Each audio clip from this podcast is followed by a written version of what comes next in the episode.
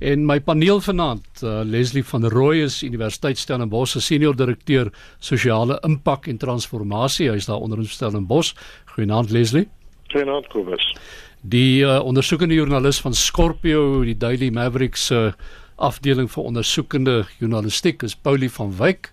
En uh, goeienaand Paulie, welkom. Goeienaand Kobus en al die luisteraars. En aan Roland Henwood, politieke ontleder van die Universiteit Pretoria se departement politieke wetenskap. Hallo Roland. Goeienaand Kobus, goeienaand almal. Ek weet nie eintlik waar om te begin nie want uh, uh, Patricia de Lille het ons so 'n bietjie onkant betrap vir vandag, maar uh, kom ons los dit eers daar. Uh, ons sal net nou by dit uitkom. Cyril Ramaphosa en Bosasa was vir my die eintlik die groot storie afgelope paar dae. Ehm um, het hy of kon hy regtig nie geweet het nie? Dit is inderdaad moontlik dat hy nie kon geweet het nie. Selfs sy verkiesingsveld tog leier het gesê dat hy nie geweet het nie. En nou moet ons kyk ook hoe hierdie skelmstreke gewoonlik werk. Uh En en dit is 'n baie bekende praktyk in hierdie stadium dat daar soos met die WBS bank word daar so baie geld gesteel en dan word daar dit verdeel aan verskillende mense. Maar hierdie ontvangers besef nie altyd dat die donateurs het het eintlik uh geld uh, warm geld aan hulle uh, gedoneer nie. Maar die doel daarvan is baie doelbewus want wanneer daar moeilikheid kom soos in die WBS saak of miskien soos met die Bosasa saak, sal daar altyd teruggegaan kan word en sê maar meneer Ramaphosa, daai 500 hmm. 000 wat jy gekry het was was eintlik van van hierdie gesteelde geld gewees. So ek kan baie duidelik sien dat meneer Ramaphosa hier in 'n slaggat getrap het heeltemal onwetend.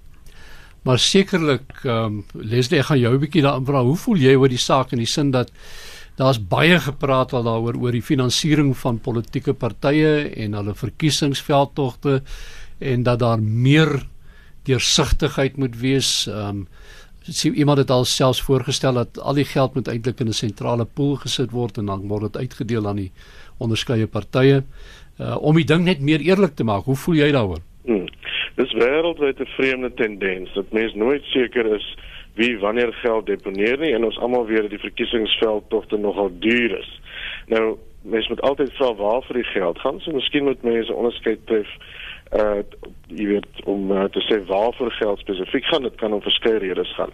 Maar in hierdie geval is dit 'n uh, organisasie of maatskappy wat nogal sinoniem is met korrupsie. Dink maar aan uh president Zuma uh, ons voormalige president se uitspattige partytjies op stadia uh, wat gefinansier is deur Bosasa Dudunieni direk verbind naby. So dis 'n moeilike moeilike saak. Gavin Watson op verskillende vlakke al betrokke in skandale in Suid-Afrika om om te koop. Mm. So in hierdie geval is so sensitiwiteit nie net uh, oor die feit dat hier geld gedeponeer is nie of selfs dat die president dalk nie geweet het wat hier aangaan nie, maar ons agterdog is gefestig in die idee dat ons iets van hierdie maatskappy weet. Nou onthou, mm. saam met hierdie uh, wat dalk 'n groot skandaal kan wees, is daar gesprekke oor die afgelope paar maande aan die gang oor die Shanjan Shanjan Nene se bedanking uh, en wat daar gebeur het, iets van 'n skoon blad uh, wat veiler geword het uh, Pravin Gordhan se besoek aan die Guptas wat ook meneer Ramaphosa se skoon blad beïnvloed. So dit hang nogal so 'n bietjie en ons sal nou moet sien hoe beide meneer Ramaphosa en die oppositie dit vorentoe gaan hanteer. Roland? Ja, ek dink 'n mens moet gaan kyk wat hier gaan gebeur, maar daar's 'n paar aspekte wat van belang is. Ja, dit is moontlik dat Ramaphosa self nie geweet het wat se geld alles inkom en van waar nie.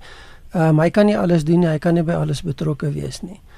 Maar ek dink daar's twee probleme. Eersteen is dat daar's te veel van die goed wat gebeur waar mense korrup is en waar omkopery plaasvind en ek dink die publiek in Suid-Afrika is baie skepties oor wat gebeur.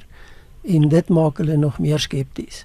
En die beeld word gevestig dat hy's maar net soos al die ander en hy kan dit nie bekostig op die stadium nie.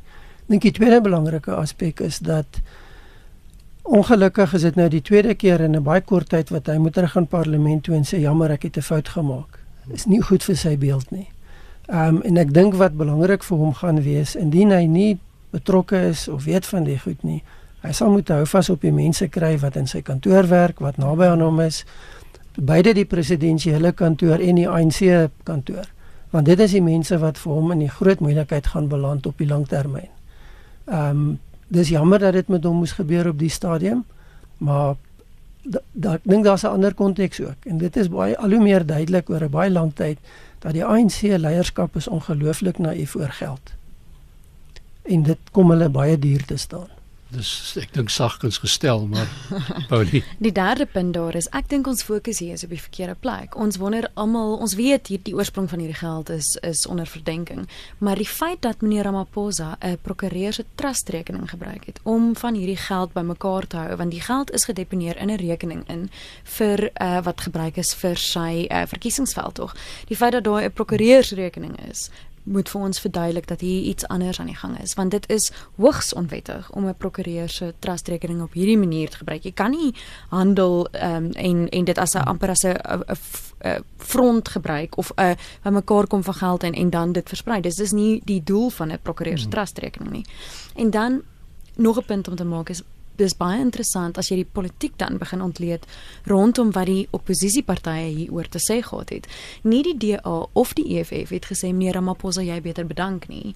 En daar's 'n hmm. baie goeie rede hiervoor want hulle wil nie een van hulle wil vir Didi Mabuza nou as 'n as 'n plaasvervanger hê nie. So die die selfs die oppositiepartye terwyl in terwyl dit op dieselfde tyd vir hulle 'n heerlike stok is om die ANC mee te slaan, is hulle bitter versigtig oor wat hulle te sê het. Die EFF sal byvoorbeeld sê meneer Ramaphosa moet die regte ding doen, maar hulle hulle brei nie uit op wat die regte ding is nie uh, Musi Maimani wat hierdie hele kettingreaksie in die gang gesit het in die parlement sal sê ons wil weet wat hier aangaan. Jy moet vir ons baie meer verduidelik. Ons moet sekere wette in plek bring om te sorg dat hierdie goed nie so uh ooglopend verdoesel kan word nie. Maar hy hulle hulle sit nie druk op meneer Ramaphosa self uh om homself te verwyder nie. En met baie goeie rede want ons kan nie nou bekostig dat uh so kort voor 'n verkiesing meneer Ramaphosa wat eintlik soveel goeie dinge ter um, in werking gestel het reeds uh dat hy nou moet bedank of dat hy uitgedruk moet word nie. Maar wat dit vir my sê ook is dat uh, jy het nou verwys na leierskap. Dit lyk vir my dit is die groot krisis in die algemeen in die land op die oomblik die leierskap in al die politieke partye skiet te kort. Ehm um, soos ons nou vandag weer die volgende krisis waar die, wat waar waar, waar in die DA nou steier was nou uh, Patricia de Lille wat nou vandag aankondig dat sy skep sy gaan nou 'n nuwe party stig. Ehm um, en ons weet nie wat se impak kan hê nie, maar uh dit is die laaste ding dink ek wat uh, Musi Maimani, Helen Zille enige van daai mense ek dink in hierdie stadium wou gehad het. Ja, ek dink is 'n is 'n interessante ontwikkeling wat die politiek betref. Maar ek dink as mens realisties daarna gaan kyk, Ehm um, daar is soveel politieke partye en wat mense sien is 'n toenemende fragmentering van die politiek. Nou dit kan positiewe gevolge hê in in dat jy 'n veelheid van stemme kry wat deel word van politiek, dat jy 'n veelheid van belange kry wat deel word van politieke besluitneming en en dis nie noodwendig sleg nie. Maar waar dit sleg raak is as jy in 'n tydperk van onstabiliteit hierdie tipe fragmentering kry en dan wat vir my in Suid-Afrika dink 'n saak is wat wat wat mense baie versigtiger moet na kyk is die konteks en en hoe hierdie ding tot stand kom. Wat ons sien met fragmentering is die een wat 'n negatiewe klimaat skep in politiek, want dit is 'n erg verdelende fragmentering. En dis 'n verdeling wat baie sterk teruggaan na die verdeeldheid van die verlede, baie sterke rasinslag, baie sterk die ou politieke inslag. En dit is nie werklik wat jy nodig het om die tipe politiek te bou van demokrasie en deelname en vertroue En ek dink dis die kernwoord. Daar's net nie meer vertroue nie. En ek weet nie of hierdie gaan bydra daartoe nie. Leslie, wat, hoe voel jy want uh, ek da, al hoe meer hoor ek van mense lees ons op die sosiale media en kry die indruk dat dat daar 'n polarisering aan die gang is in die in die, in die Weskaap spesifiek ook. Uh en dit uh, soos Roland ook nou na verwys het dat dit uh op op kleurlyne verloop uh en en dit moet kommerwekkend wees so vroeg voor 'n verkiesing ook.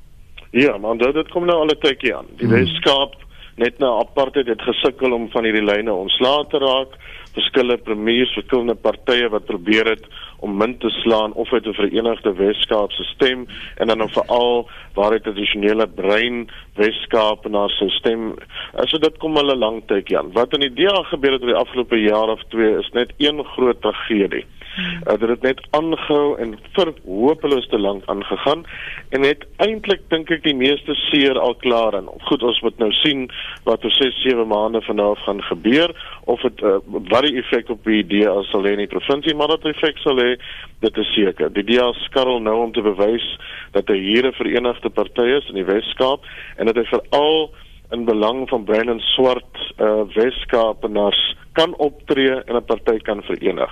Nou hulle weet net so goed soos ons dat Patricia de Lille nie iemand is uh, wat gister in die politieke spektrum getree het nie. Patricia de Lille oor jare in die ANC die PAC later onafhanklike party en weer in die in die DA het 'n geweldige rol gespeel, amper 'n soort charismatiese rol gespeel om 'n stem in te bring uh, wat op 'n manier of kan verenig of ten minste kan sê dat die DA iets anders wil wees en dat hy in die konteks van die Weskaap veral om sal sien uh, na die uh, sogenaamde breinstem en ten minste kan kry dat die DA uh, uit homself groei en iets nuuts en verder sal gaan. Nou dit was 'n bietjie van 'n droom troue aan die begin. Ek dink ons en ons luisteraars sal dit onthou en die groot vraag was altyd of dit sou kon werk. Hoe dit egter geëindig het is so dramaties negatief uh, dat mense amper nie ophou kan kyk oor wat volgende gaan gebeur nie. Nou sy het 6 maande of so oor om nie net hierdie party te vestig nie, maar soos wat sê dit nou stel in al 9 provinsies deel kan neem aan die verkiesing. Dis baie. Sy meen dat daar genoeg steun is. Uh, sy meen ook deur iets soos uh, se se statistiek en data dat daar genoeg mense is uh, wat sou stem of ten minste die party sou kon kon steun. Ons sal moet sien of dit gebeur. Ek vermoed uh, haar grootste kans op iets van 'n politieke oorwinning sal waarskynlik in die provinsie wees in die Wes-Kaap, maar ons sal moet sien hoe dit uitspeel. Dit lyk nie of sy al absoluut seker is oor dinge kan uitspeel nie, maar dat sy wel oor die afgelope paar maande veral geweldige plaaslike steun gekry het of sy dat ten minste dat sy iets daarvan aanvoel, dryf haar baie duidelik om verder as die DA te mik veral waarskynlik ook om haar eie naam te probeer herstel veral in die konteks van die Weskaap. Nou ja, soos die Amerikaners graag sê, watch the space en dan kyk ons maar wat gebeur. Ek verneem uh, my paneel is mense met wie ek nou praat, Paulie en Roland en Leslie, maar ek verneem dat ons gaan binnekort as die ANC hulle sin kry almal aan die staatse mediese fonds behoort. As ek nou moet glo wat vandag op die voorblad van die van rapport was. Waar gaan ons heen met hierdie ding? Wat gaan dan nou selfs die tesourier sê is malligheid? Ja, ek dink dis nou nog 'n voorbeeld van hoe die ANC intern nie altyd weet van een kant na die ander kant wie wat doen en sê nie. Hmm. Ehm um, die die storie loop nou 'n paar dae van dokumente wat verander is sonder dat almal wat betrokke is en kennis gestel is en dat sekere goed gelek is en ander teruggehou is. En en ek dink dit is die wese van die probleem. Ehm um, ek meen my kort antwoord is 'n onbekookte idee. Ehm um, dit is presies die idee wat 'n paar maande terug op die tafel afgeskiet is en gesê is is malligheid, dit gaan nie werk nie. Ehm um, daar gaan soveel teenstand in hierdie ding uitkom en ek praat nie van politieke teenstand nie, maar ek praat van teenstand uit gevestigde bedrywe uit.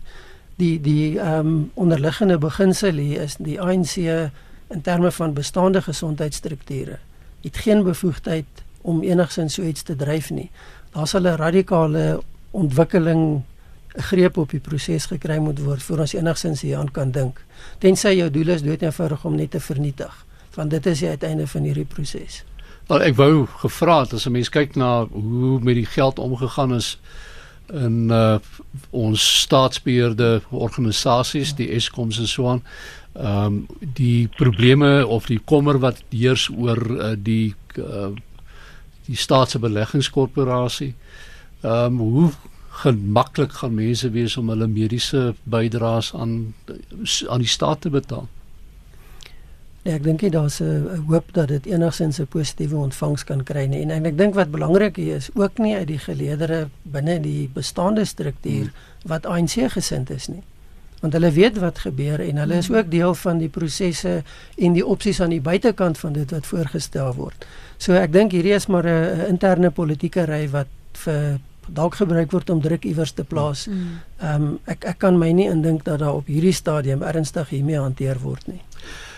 Goed, kom ons los dit maar vir eers daar uh, Paulie grondonteiening. Ehm um, en ons het nou donderdag uh, in die parlement gesien. Dit lyk vir my daar was 'n klomp ANC-lede wat daar gestem het wat self nie geweet het waarvoor hulle stem nie. Uh, hmm. Meneer Smith, een van hulle wat eers na die stemmery blykbaar gevra het, maar beteken hierdie ding nou eintlik dit en dit en dit. Ehm um, nou ja, uh, dit lyk vir die EFF slaan maar die tamboer daar.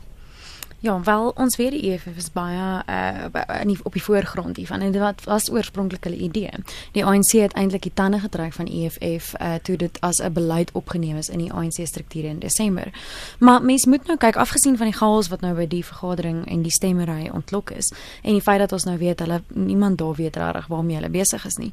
Moet ons moet ons ook probeer kalm bly en onderskei tref tussen hulle woorde en hulle dade. Die EFF maak 'n groot geraas. Dit is inderdaad so en dit lyk asof hulle die trom slaan. Maar die hulle het nie die hef in die hand hier nie. Hulle weet baie baie goed dat hulle 'n klein party is met steen wat nou in hierdie stadium uh, per skatting sê nou maar tussen 6 tot 8% sal wissel. Nou hulle weet dat hulle eh, 'n uh, baie sterk ondersteuning van die ANC sal moet wegkalwe om om hulle te ooreed om eerder na hulle punt te gaan. En die ANC het het 'n baie ander idee van wat moet gebeur met grondhervorming um, as die EFF. En daai twee uh, partye sal dit moet uitspook met mekaar. Nou Uh dan het ons natuurlik die ander dinamiek van meneer Ramaphosa en sy uh amper hierdie kitchen cabinet wat hy op die kant saamgestel het waarvan Agri SA en en sekere geleerde mense deel is. En dit is eerder die mense agter wie ons ons steun moet um in inspan. Agri SA het ek al gesien is is verskriklik gemeete in dit wat hulle sê. Hulle weet waarvan hulle praat. Hulle het uitstekende raad. Hulle kom met um uh goeie planne, met werkbare planne. Ehm um, dit ek dink ons moet onsself nie te veel steur aan uh, gaan ons die grondwet verander of of moet ons dit nie doen nie, maar maar kyk eerder na na die aksies van waarmee hulle besig is want die EFF sal altyd probeer lyk like asof hulle die trom slaan terwyl hulle nie in werklikheid doen nie. As ek nou kyk na die swartgallige reaksie uh, wat 'n mens kry, ehm um, veral mense wat miskien 'n bietjie uh, aan die regterkant van die spektrum sit. Uh, en ek kan verstaan as jy uh, as as hulle nou nog landbouers ook is boere is.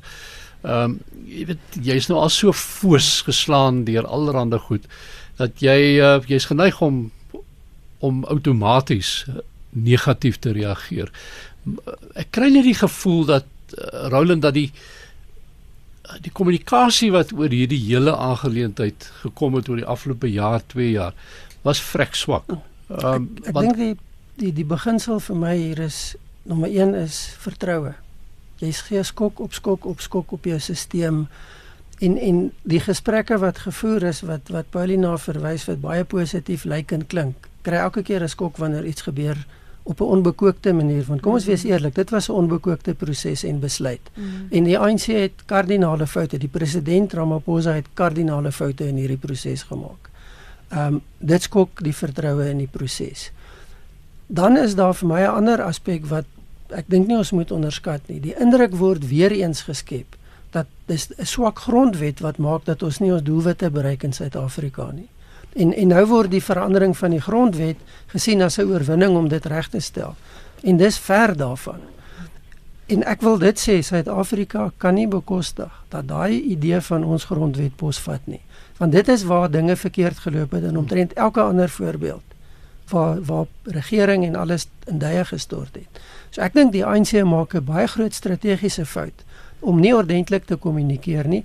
Maar goed, ons weet hoekom. Want dan moet hulle 'n bepaalde standpunt inneem wat die deur oopmaak vir ander. Ek dink daar's 'n verkiesing. Wel, ek dink daar's 'n ander ding. Die ANC posisioneer homself, lyk dit my, tensy mense te veel lees in wat gebeur, dat hy kan omdraai en vir sy kiesers sê kyk, die DA steun hierdie goed.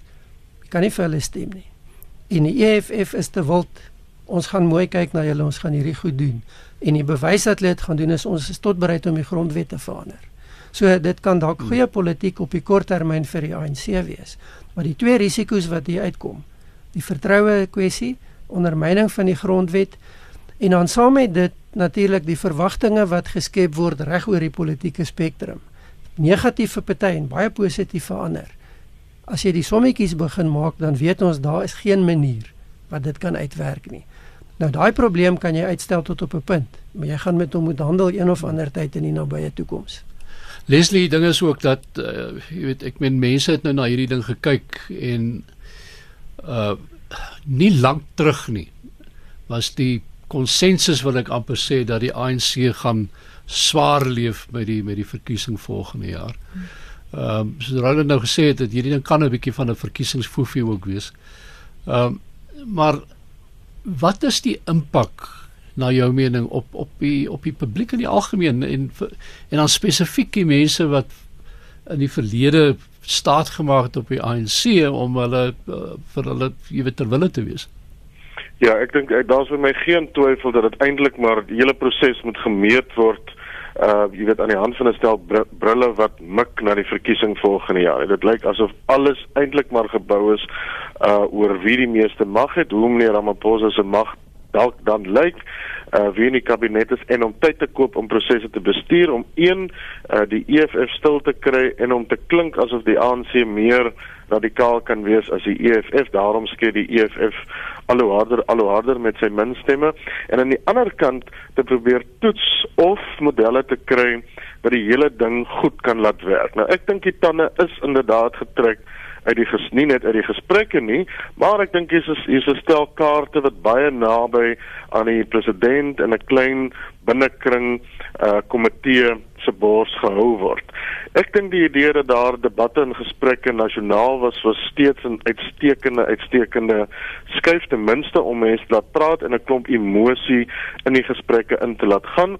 Ek vermoed ehm um, die die planne wat daarna kom en dis waarskynlik uh, planne aan die gang sal iets weergee uh van 'n nasionale debat wat of daarin vervat sal word of ten minste na modelle sal wys wat kan werk so ek is ek is meer hoopvol daarvoor en miskien is dit dalk 'n een debat in Suid-Afrika uh wat ons nog altyd of moes gehad het en nog nooit vir kans gesien het nie of nog nooit kon hê op die punt dat ons weet dis waarskynlik nou of nooit nie. So ek vermoed ehm um, ja, ek dink die tande is getrek. Aan die ene kant en aan die ander kant dink ek hier is dalk die moontlikheid vir modelle, maar ons speel dit baie fyn.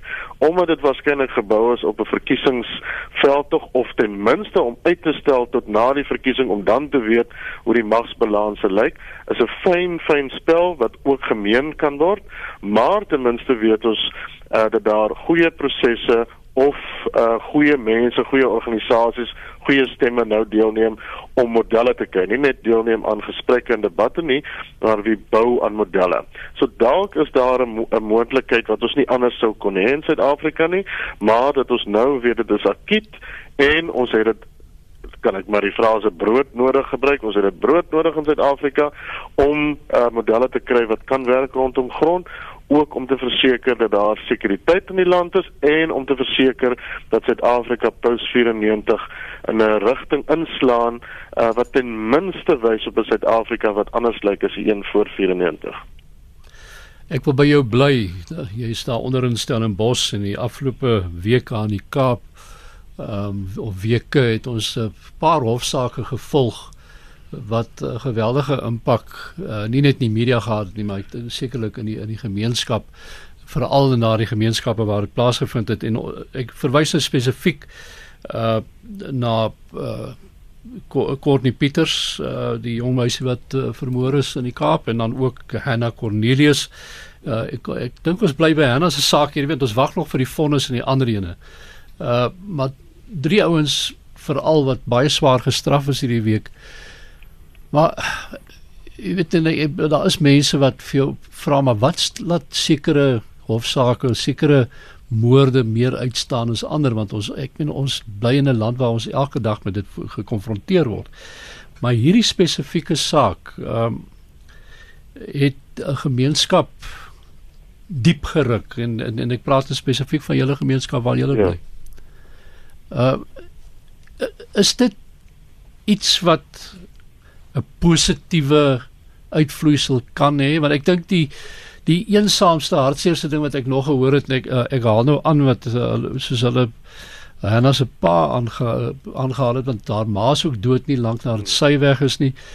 En haar pa wat hierdie week gesê het ek en my seun is nie 'n gesin nie. Ons is die oorlewendes wat leef in die ruïnes van wat eens was. Hier dit dit dit ruk 'n mens se hart Ja, ongelooflik. Dit is 'n pynvolle verhaal wat elke keer as jy Hanna se foto sien weer by jou opkom. Dat dit kan gebeur dat 'n uh, onskuldige lewe met iemand vol lewe, iemand uh, wat 'n blink toekoms voor haar kon hê, verwoes was en dat jy in 'n beskuldige bank drie gesigte sien van mense uh, wat dit ten minste blyk asof hulle regtig dink wat hulle gedoen het, hulle maar kon doen of dat dit nie so erg is nie en dat hulle bereid is om op 'n spotterder uh, manier vir ons te wys dat hulle nie eintlik omgee oor 'n straf nie. Dit laat mense koud op soveel vlakke nou dit laat ons veral koud as as dorpsgemeenskap universiteitsgemeenskap omdat Cheslin en Hanna hier studente was Cheslin hooplik weer en omdat uh, van die beskuldiges nie gevonnis uh, gevonnisde ehm um, skuldiges dan nou ook uit hierdie gemeenskap kom. Nou uh, dit is nogal 'n moeilike gesprek om hier te hê want hier het jy verskillende ehm um, ten minste verskillende groeperinge in hierdie provinsie uh, wat hard dink oor of bende geweld of dwelmmisbruik en moord in die algemeen, maar as jy op 'n dorp bly waar daar reeds erge verdeeldheid is, ehm um, is jy simpatiek aan alle kante, nie aan alle kante nie, maar ten minste weet jy dat hier verskillende gemeenskappe diep geskeur is of jy nou uh die hande uh kan goed geken het deur haar familie of gesin of nie. Ek dink ons simpatie is beslis uh by dan haar pa en haar broer en natuurlik aan Cheslin se familie. Ek weet nie of mense dit uit goeds uit kan kry nie. Uh behalwe dalk uh dat dit ons ten minste diep diep bewus maak as universiteitsgemeenskap veral uh dat elke lewe diep kosbaar is en dat elke lewe se moontlikheid moontlikheid erken moet word en dat ons moeite moet doen om te verseker dat ten minste wat ons saam wees en ons veiligheid uh en ons moontlikhede is uh ons dit nie van mekaar moet ontneem nie. Die provinsie veral rondom geweld en bende geweld uh soos jy weet is op 'n uiters moeilike sensitiewe plek. Ook dit is nie iets niets nie, maar en dit is die tragedie van die verhaal uh met 'n kombinasie van armoede, uh toename in dwelmmisbruik en ekonomie wat stadiger en stadiger rol en die idee dat daar 'n groot groep jong mense is wat op strate sit en nie 'n toekoms het nie, is ek nie seker of daar 'n silwer randjie in hierdie verhaal kan wees nie. Roland? Ja, ek dink ehm um, dis 'n baie tragiese konteks, maar dit is in 'n sekere sin 'n uh, versinnebeelding van Suid-Afrika. Ek dink die belangrike konteks hier is dat ongelukkig lyk dit of 'n groot deel van die fokus nog steeds is op wet en orde. En hierdie is 'n tipe probleem wat natuurlik is daar 'n wet en orde regsproses en en al daai goed wat belangrik is. Maar onderliggend aan aan die groter tragedie in Suid-Afrika bly die kwessie van sosio-ekonomiese omstandighede, hmm. Geweldige armoede en en 'n moedeloosheid en 'n hopeloosheid wat wat in 'n groot deel veral in jeug in Suid-Afrika posgevat het. Ehm um, mens moet maar teruggaan na die feite. 27,5% werkloosheid, maar onder jong mense is dit hoër as 70% in groot dele van Suid-Afrika. En dit is iets wat nie die aandag kry wat dit moet kry nie. Hmm. Nou dis nie 'n verskoning vir die tipe insident soos hierdie nie. Maar ek dink nie 'n mens moet gaan kyk net na wet en orde benadering. Daar's 'n baie groot geweldige ehm um, krisis wat in Suid-Afrika uitspeel. En en en ons doen nie genoeg om daai krisis aan te spreek nie. Ek dink nie wat Roland en Leslie gesê het kan oorbeklemtoon word nie. Dit is van die belangrikste punte en dit gaan tot by die wortel van wat fout is in Suid-Afrika. Ehm um, en die enigste ding wat mense daar eintlik moet byvoeg is dat Mens moet onthou in 'n in enige land waar daar nie sosiale geregtigheid is nie, waar die inkomstegaping so hoog is, waar die uh die werkloosheidssyfers lyk soos dit lyk. Dit sal altyd altyd 'n teelaarde wees vir populisme. Hmm. Dan kry jy dit wat Leslie en Roland nou net beskryf het, maar jy kry dan ook 'n wetteloosheid en 'n en 'n aanhang van 'n sekere groepering wat kan dan kan begin sê net wat hulle wil. Hulle kan die eienaardigste onwerklikste planne voor in dag mee kom en sê maar ons is julle mense, julle moet vir ons stem en hulle sal daarvoor val. Nou ja, ons sal nou maar nou vir die volgende uitspraak wag. Ek, ek dink kort die Pieters eh, die vonnis in daai saak word volgende week gevel. En uh maar ja, ek uh, dis vir my net 'n uh, ding wat mense aangryp is dat na soveel jaar uh ons steeds met hierdie geweldige maatskaplike probleme sit soos julle nou self beklemtoon het. Uh en dit lyk nie asof enige uh afdeling, enige departement, enige party of groep werklik enige groot vordering maak in hierdie verband nie. Nog 'n saak wat hierdie week oog gevang het en uh dit is voor regter Zondo en Barbara Hogan is toe nou so intoe om te gaan praat en ek dink As as 'n hele paar ouens wat nou sweet want ek meen sy het uh, sy het met die sak patats haar voor in dag gekom. Paulie, het jy dit dopgehou? Ja, en sy het meneer Zuma en verskeie ander mense dan en natuurlik meneer Malusi Gigaba in die middel sentraal gesit tot hierdie spinnerak. Ehm um, meneer Malusi Gigaba het nie eers eintlik die kans gesien om met haar 'n oorhandigingstoespraak te hê waar sy vir hom wou verduidelik wat in haar departement aangaan nie. Maar wat interessant Klein was Klein koppie getrou. wat interessant was is dat sy ehm um, sy het vir al drie stappe ehm um, uh, uitgelig wat belangrik is as veral iemand wat die wat die land ondersoek soos ek. Kom sien jy dit wat sy verduidelikheid. sien jy in SARS, jy sien dit in FBS, jy sien dit in uh Eskom en Transnet. So, en dit wat sy verduidelik het is hoe uh, go die goeie mense in die land uitgedruk word. Ehm um, hoe hulle geïntimideer word en hoe hulle kleinlik gemaak word en hoe uh hoe die hoe, hoe rassekaart baie keer gespeel word juis uit die populistiese aard van van wat besig is om te gebeur om hierdie mense dan heeltemal te diskrediteer. En as daardie mense dan sterk staan, word daar baie keer die uh krim uh, in, intelligensie van die polisie of van staatsveiligheid of so ingeroep en die werk uh, of hierdie mense se lewens word vir hulle moeilik gemaak. Hulle word gedreig of hulle daar word ondersoeke teen hulle ingestel. Hulle die lewe word vir hulle moeilik gemaak. Ehm um, en en dit verseker dat hierdie slagoffer dan amper 'n ongeloofwaardigheidskrisis kry en hulle bydraes tot hulle departemente is dan van nul en geen waarde nie. Nou dit het dan 'n gevolg, 'n kompakte gevolg van chaos in daardie departement wat beteken dat uh, dit 'n maklike teelaarde raak vir hierdie persoon om dan uitgeskop te word of een of ander uh, opgekookte saak teen hulle aanhangig te bring um, en hulle dan so uit te skop en dan kom die Malusi Gigabas van die wêreld in en en uh, of die Anosh Singhs of Brian Mulefis.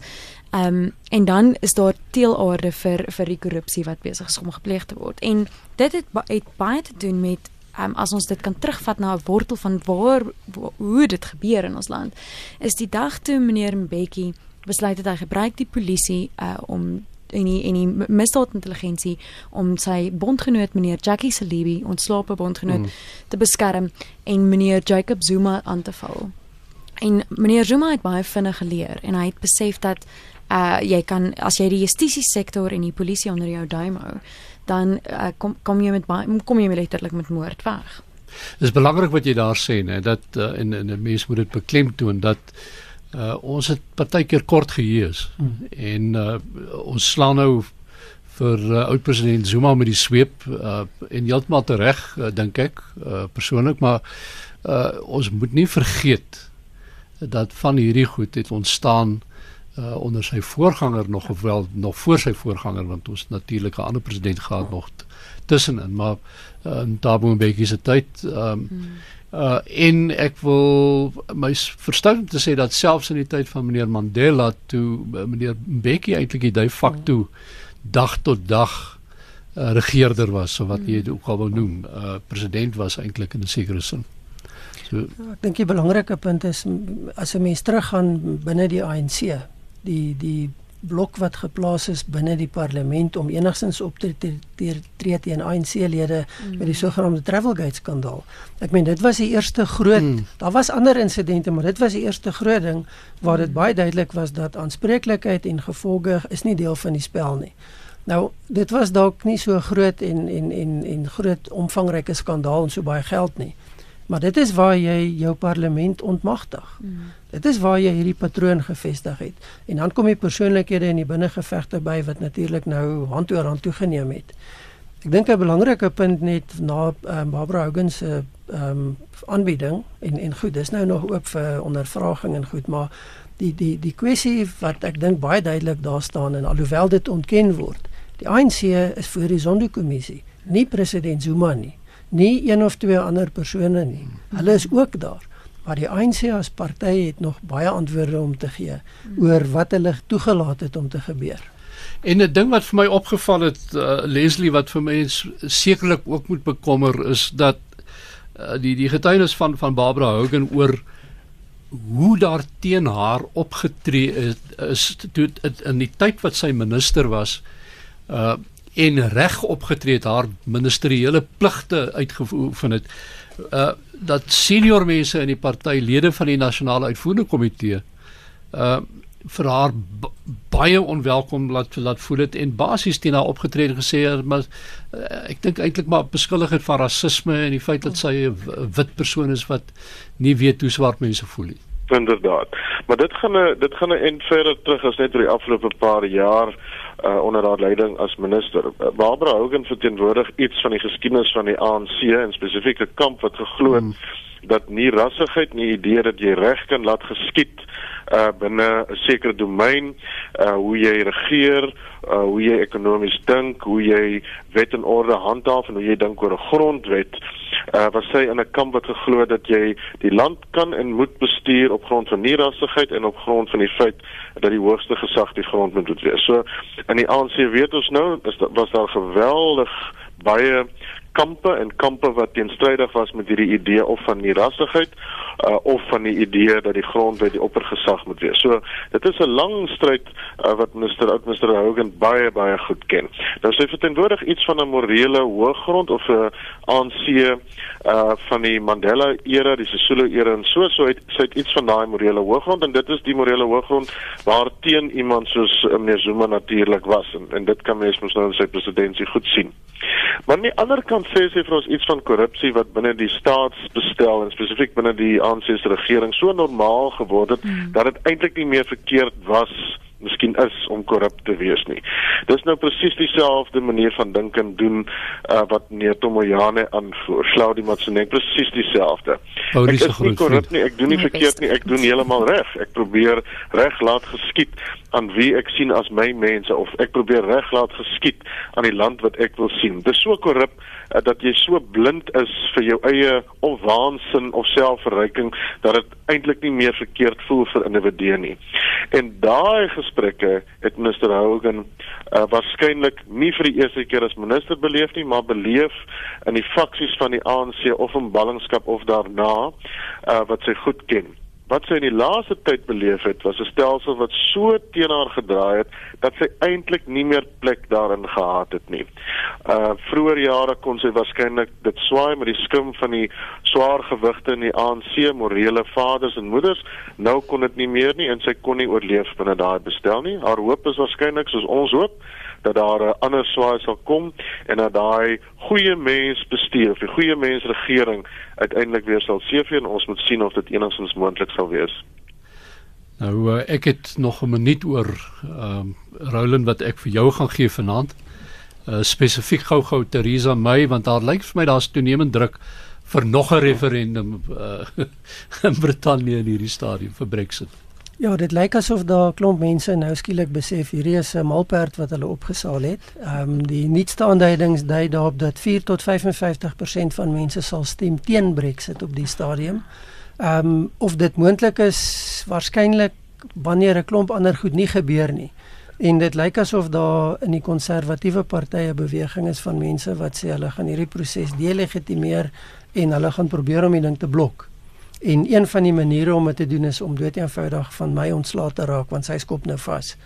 Ehm um, dis 'n baie onsekere, is 'n baie onverkoeklike politiek wat nou gespeel word.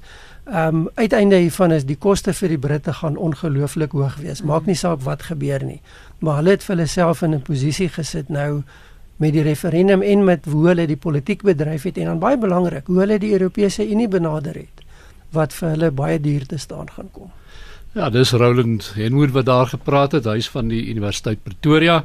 Op Stellenbosch het ons gepraat met Leslie van Rooi van die Universiteit Stellenbosch en ook hier by my in die ateljee eh, vanaand was Paulie van Wyk van Scorpio, is die Daily Mavericks afdeling vir ondersoek en journalistiek. Ek vir julle al drie baie dankie sê vir 'n lekker program, lekker gesprek en uh kommentaar is volgende Sondag 8uur weer terug. Totsiens.